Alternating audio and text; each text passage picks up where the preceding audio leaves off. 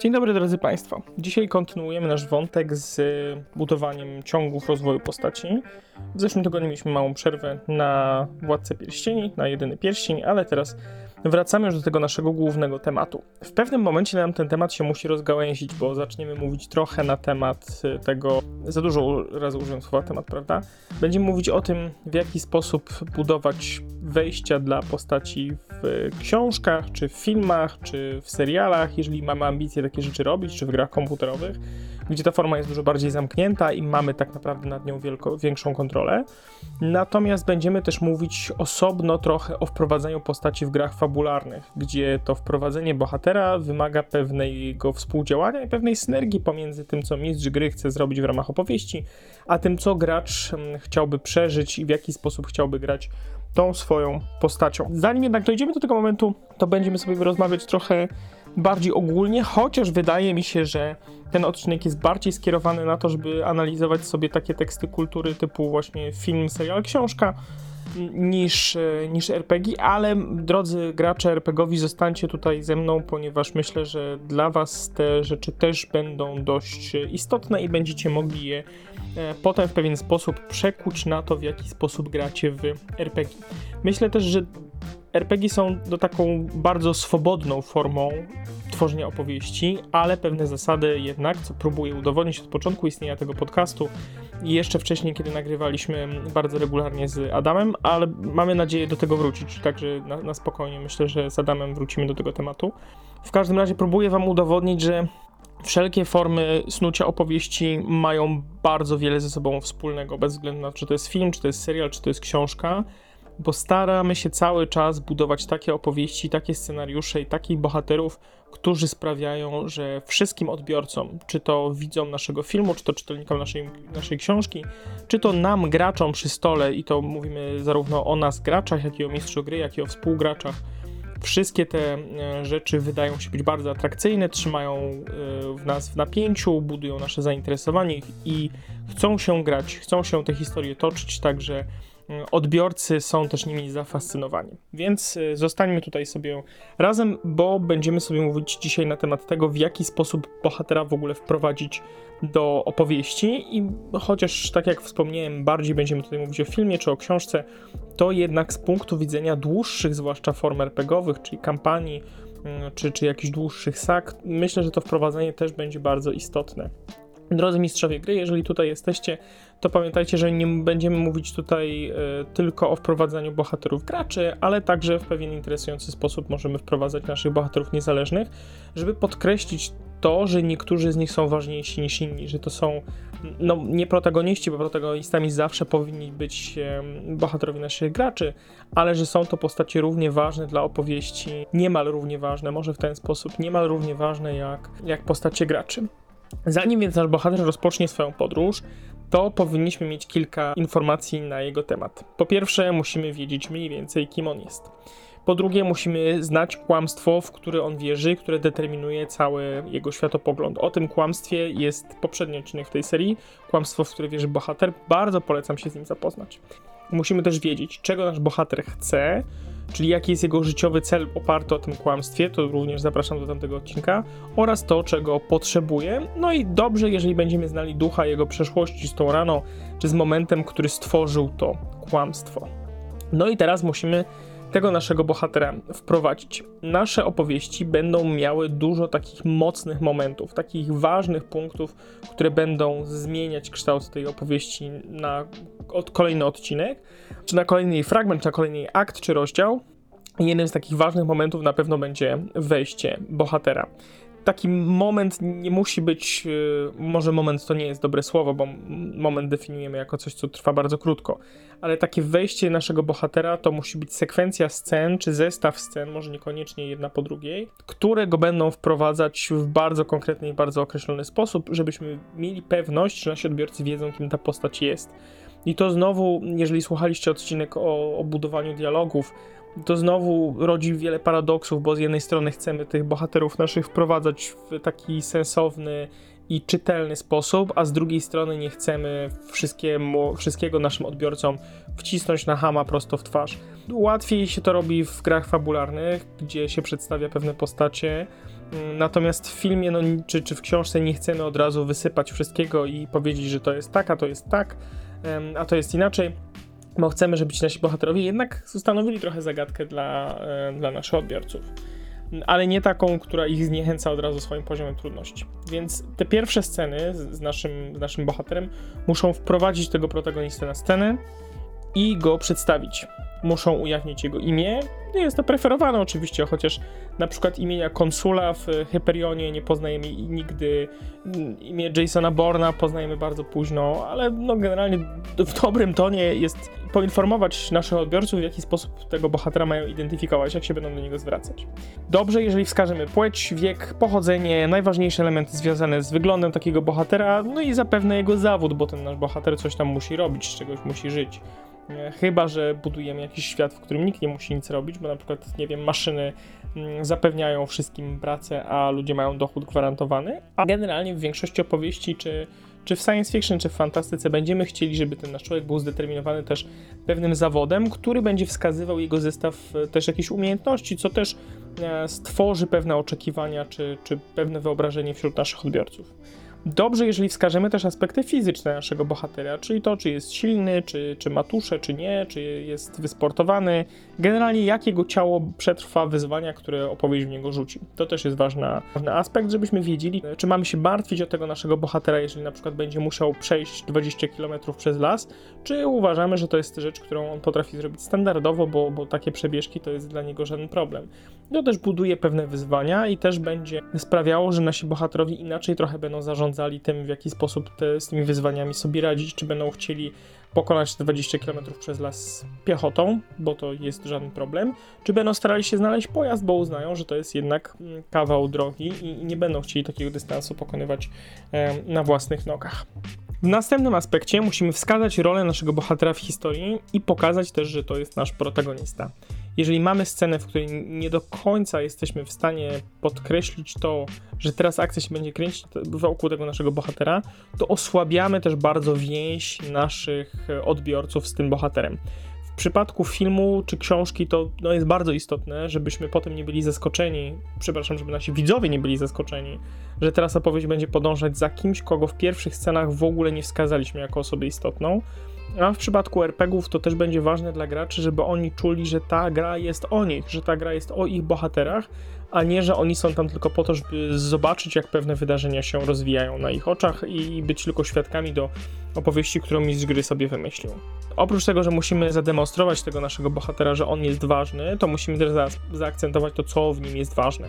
Fajnie, jeżeli pokażemy kluczowy aspekt osobowości tego naszego bohatera, żebyśmy też wiedzieli oprócz tego, kim ten bohater jest fizycznie, czy on, jak on sobie będzie dawał radę z, rozma z rozmaitymi wyzwaniami fizycznymi, jeżeli takie będą, ale też jak, będą jak będzie sobie radzić z wyzwaniami, jeżeli chodzi o jego osobowość, jeżeli chodzi o jego mentalność. Więc to jest takie wprowadzenie tego naszego bohatera na dwóch ważnych e, płaszczyznach. Jeżeli w naszej opowieści to jest istotne, a w wielu opowieściach jest, i teraz jak sobie myślę też o RPGach, to myślę, że jestem w stanie z pamięci wyrzucić tam co najmniej 10, gdzie będzie to ważne, to dobrze jest, jeżeli pokażemy naszą e, relację naszego bohatera z jego duchowością i z tym, w jaki sposób on patrzy na społeczeństwo wokół niego.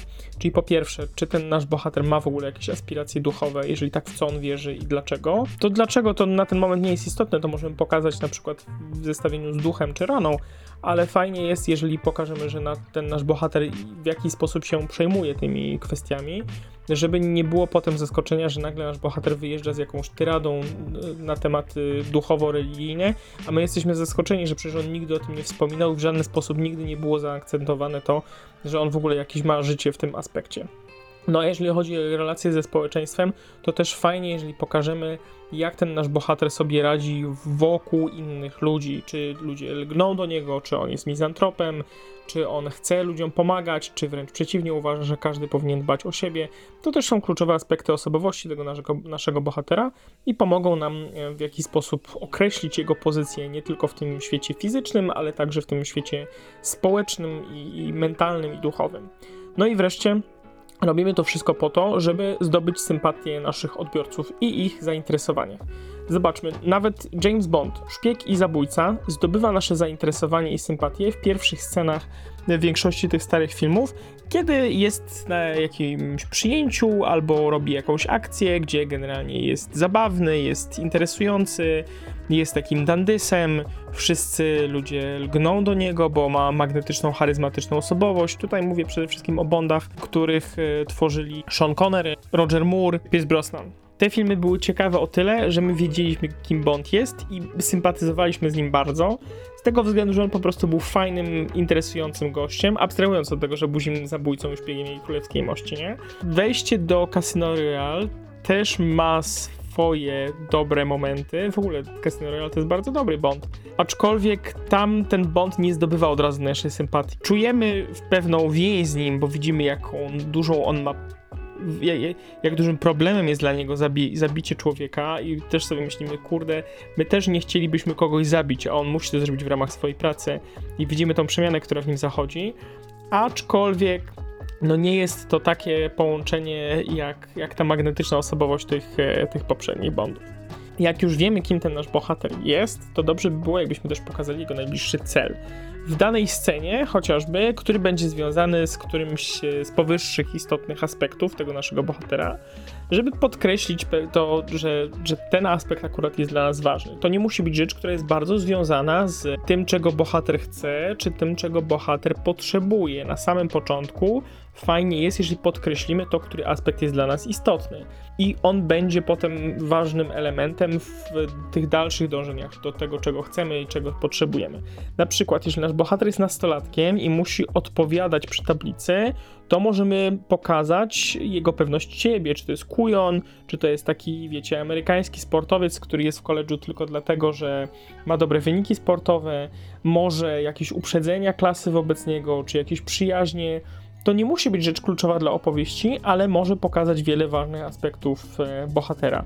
Te prologi, które mamy w filmach, bardzo często w książkach czy w komiksach, one właśnie służą, służą temu, temu celowi ale mogą też sugerować cel naszego protagonisty w historii i jego wzrost i to, czego on potrzebuje. Jeżeli nasz bohater na przykład jest nieśmiały i przy tej tablicy stoi próbując odpowiedzieć i widzimy, że jego y, wybranka serca, która nawet jeszcze nie wie, że jest jego wybranką serca, odwraca wzrok, żeby nie patrzeć na to zażenowanie, no to już wiemy, że to będzie aspekt, który będzie w dalszej części tej historii istotny, że on będzie chciał pokonać to swoją nieśmiałość i zaimponować na przykład tej dziewczynie. No i wreszcie te pierwsze sceny, jak wprowadzamy tego naszego bohatera, one powinny zainicjować albo zapowiedzieć dalsze wydarzenia związane z głównym konfliktem tego bohatera. Czyli w momencie, kiedy nasz bohater na przykład wychodzi z klasy, po tym jak odpowiedział dobrze, a e, szkolny osiłek nie był w stanie odpowiedzieć i nasz bohater się wyrwał, żeby udzielić prawidłowej odpowiedzi, tym sposobem go upokorzył, to po lekcjach chłopaki mogą na niego napaść i go zlać. I to już jest taka rzecz, która będzie inicjować albo zapowiadać dalsze, mm, dalsze wydarzenia, że teraz w tym naszym bohaterze nastąpi jakaś przemiana. Być może to jest właśnie um, ten jego duch, być może to jest coś, co sprawi, że on zacznie pracować w jakiś sposób um, nad sobą i zainicjuje jakiś tam dalszy konflikt. Generalnie tych pytań jest bardzo, bardzo dużo, które powinniśmy sobie postawić i na które powinniśmy odpowiedzieć w tych pierwszych scenach z naszym bohaterem. Ale pamiętajmy też o tym, że szansa na pierwsze wrażenie jest, y, jest tylko jedna i musimy pokazać zarówno mocne, jak i słabe strony tego naszego bohatera. W przypadku RPGów możemy albo poprosić gracza o przygotowanie odpowiedzi na pewien zestaw pytań, albo poprosić go o opisanie historii z najlepiej niedalekiej przeszłości tego bohatera, albo wspólnie przygotować taką wprowadzającą scenę na pierwszej sesji. Ale najważniejsze jest to, żebyśmy pokazali na starcie to, czego naszemu bohaterowi brak, to, co wynika z kłamstwa. W przypadku RPGów to jeszcze będę o tym wielokrotnie mówił, że niektórzy gracze są bardzo niechętni do tego, żeby ich bohater w jakieś kłamstwo wierzył, czy żeby ich bohater w jakiś sposób był niekompletny, bo bardzo często jest tak, że chcemy po prostu grać po to, żeby właśnie nie grać postaciami, które są podobne do nas. O tym też jeszcze będę mówił w niedalekiej przyszłości ale e, chcemy grać postaciami, które są kompletne i to, czego im brakuje, to trochę punktów doświadczenia, żeby podnieść najważniejsze statystyki. Ale o tym, dlaczego, dlaczego fajnie jest zaczynać od kłamstwa, w sensie tego kłamstwa, w które wierzy bohater i od tego, dlaczego dobrze jest zaczynać od tego, czego naszemu bohaterowi brakuje, to też jeszcze, e, drodzy mistrzowie gry i drodzy, drodzy gracze, wam powiem.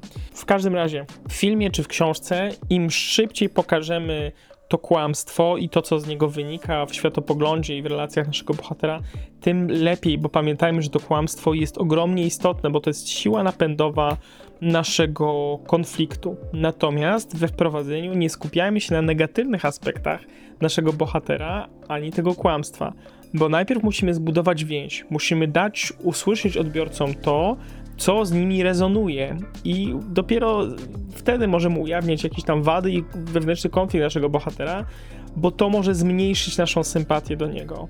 Jeżeli wiemy, że nasz bohater ma na przykład duży problem z budowaniem relacji z ludźmi wokół siebie, to jeżeli zaczniemy tą historię od tego, że on obszczekuje swojego y, jakiegoś tam dalszego przyjaciela, no bo w końcu bliskich, bliskich przyjaciół nie ma, y, czy jest wredny, no to to sprawi, że dużo mniej będziemy temu bohaterowi potem współczuć, dużo mniej będziemy zainteresowani wczuciem się w jego sytuację. A jeżeli pokażemy tego bohatera w sytuacji, gdzie on jest sam w domu, gdzie próbuje sobie radzić ze swoją samotnością, to my jako odbiorcy jesteśmy dużo lepiej do tego nastawieni, w sensie dużo lepiej nastawieni do tego bohatera, bo myślimy sobie, ok, każdy z nas ma takie momenty, kiedy jest sam w domu, kiedy jest mu przykro, że jest sam w domu, kiedy ciągnie do ludzkiego towarzystwa, kiedy chciałby być z kimś innym i, i, rozumiemy, że ten bohater ma taki problem. I możemy na przykład y, zasugerować, że stoi tam zdjęcie jego żony, która już nie żyje, albo jego przyjaciół, z którymi coś się stało, albo on gdzieś się wyprowadził, gdzieś odeszli, albo nie wiem, nastąpiła apokalipsa i nagle wszyscy zginęli.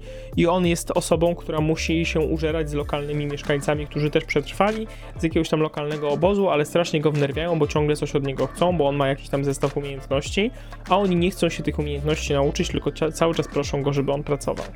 Więc jeżeli pokażemy, że ten nasz bohater ma sensowną motywację do tego, żeby z tymi ludźmi mieć problem w komunikacji, to łatwiej jest ludziom się utożsamić z nim i potem stwierdzić: OK, ja też mam takie momenty, kiedy czuję się w ten sposób i okej, okay, radzę sobie z tym inaczej, on sobie radzi z tym będąc na przykład werbalnie agresywny w stosunku do innych ludzi, ale ja mu to wybaczam, bo ja rozumiem, co go trapi. Zaczniemy od tych pozytywnych aspektów, które będą rezonować z naszymi odbiorcami, a potem dopiero wprowadzimy e, negatywne, to nasi odbiorcy sami będą tego naszego bohatera usprawiedliwiać i sami będą szukać powodów, żeby tą sympatię wzmacniać.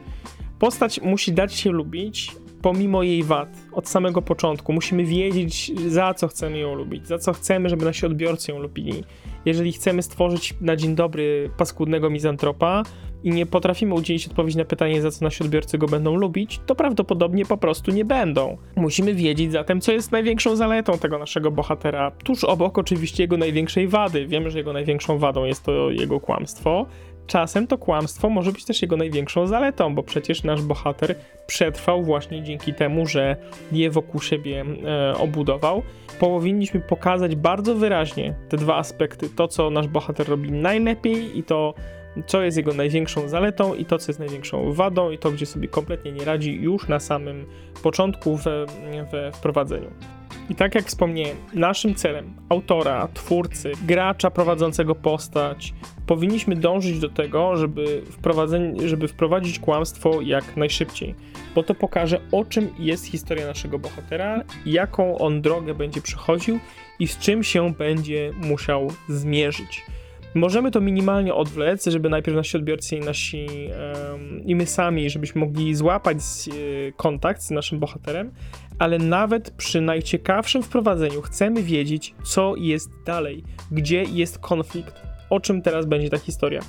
His sercem historii zawsze jest konflikt i pamiętajmy, że jeżeli będziemy wprowadzać ślankowo naszego bohatera, który dopiero, na którego potem dopiero spadnie jakaś straszna rzecz, to jest szansa, że my po prostu zgubimy tych naszych odbiorców, zanim ta straszna rzecz um, nastąpi, więc ten konflikt musi być zarysowany od samego początku. Jeżeli to jest opowieść katastroficzna, dajmy na to, i chcemy, żeby przyszło wielkie tsunami i zmiotło naszą nadmorską miejscowość, to miejmy w pamięci to, że sercem konfliktu nie jest wystąpienie tsunami. Sercem konfliktu jest to, w jaki sposób nasi bohaterowie dogadują się między sobą, żeby się zmierzyć z konsekwencjami tej wielkiej fali. Przykładowo, mamy dwie rodziny, które wyjeżdżają wspólnie na wakacje. Ojcowie są bogatymi programistami, ale słabo sobie radzą w na przykład w dziczy i w terenie, no bo całe życie spędzili przed biurkiem. Nie szkaluję tutaj programistów, po prostu rysuję wam tutaj, drodzy przyjaciele, yy, tak, taką scenkę. I teraz nasz jeden programista, nazwijmy go Tom, ma żonę, która uwielbia jego pieniądze, ale niekoniecznie lubi jego samego, bo uważa, że on mógłby być bardziej macho. Mimo tego, że właśnie to, że on nie jest macho, tylko jest introwertykiem, który uwielbia kodować, jest y, źródłem jego bogactwa. No i jeszcze mamy Jacka. I Jack y, zanim został programistą, no to jeszcze coś tam innego w życiu robił, był zawsze taki Jack of all trades, właśnie dlatego to imię wybrałem. Był też sportowcem, jeździł w góry, jeździł na obozy, no mają trochę mniej kasy, no ale e, ta jego żona z kolei chciałaby mieć więcej pieniędzy, ale docenia to, że Jack potrafi robić też różne inne rzeczy, chociaż mógłby sobie dać spokój z tymi wszystkimi swoimi hobby, i mógłby się bardziej skupić na tym, żeby więcej się szkolić, bo wtedy zarabiałby więcej pieniędzy, tak samo jak Tom i mieliby więcej kasy. Bo na przykład oni wiedzą, że musieli odkładać na te wakacje, a Tom z jego żoną po prostu rzucili hajsem i pojechali. No i teraz przechodzi to wielkie tsunami, jakaś tam katastrofa z tego wynikła. Szlak trafia całą tą wyspę, teraz ci nasi bohaterowie muszą się odnaleźć w tym postapokaliptycznym krajobrazie po przejściu gigantycznej fali. No i po pierwsze, już mamy zarysowany konflikt pomiędzy naszymi bohaterami a ich żonami. Możemy też zarys zarysować konflikt pomiędzy żonami, z których teraz jedna będzie atakować drugą, w zakresie tego, że na przykład źle się przygotowały do tego wyjazdu, chociaż ten, ten konflikt w zakresie przygotowań będzie tak naprawdę podszyty tym życiem, które na nich czeka, jak oni wrócą już z powrotem do swojego bezpiecznego, dużego miasta z dala od wielkiej fali.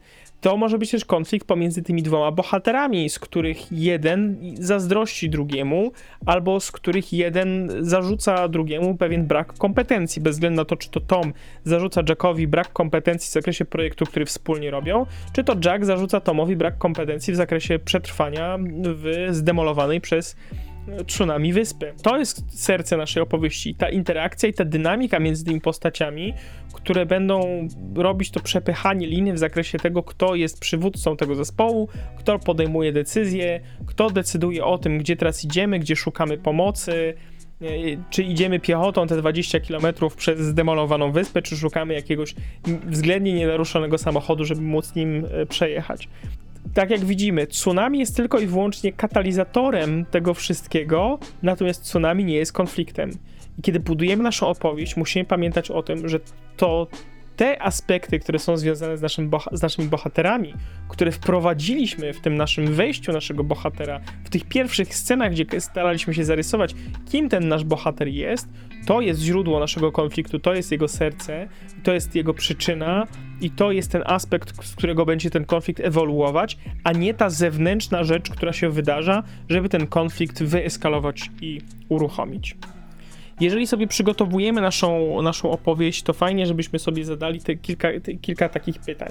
Na przykład, jaka cecha albo umiejętność najlepiej podsumowują naszego bohatera, jak możemy to konkretnie i w pełnej krasie pokazać. Spójrzmy na film Fracture. Nie pamiętam jak on się nazywał po polsku, to jest film z e, Hopkinsem.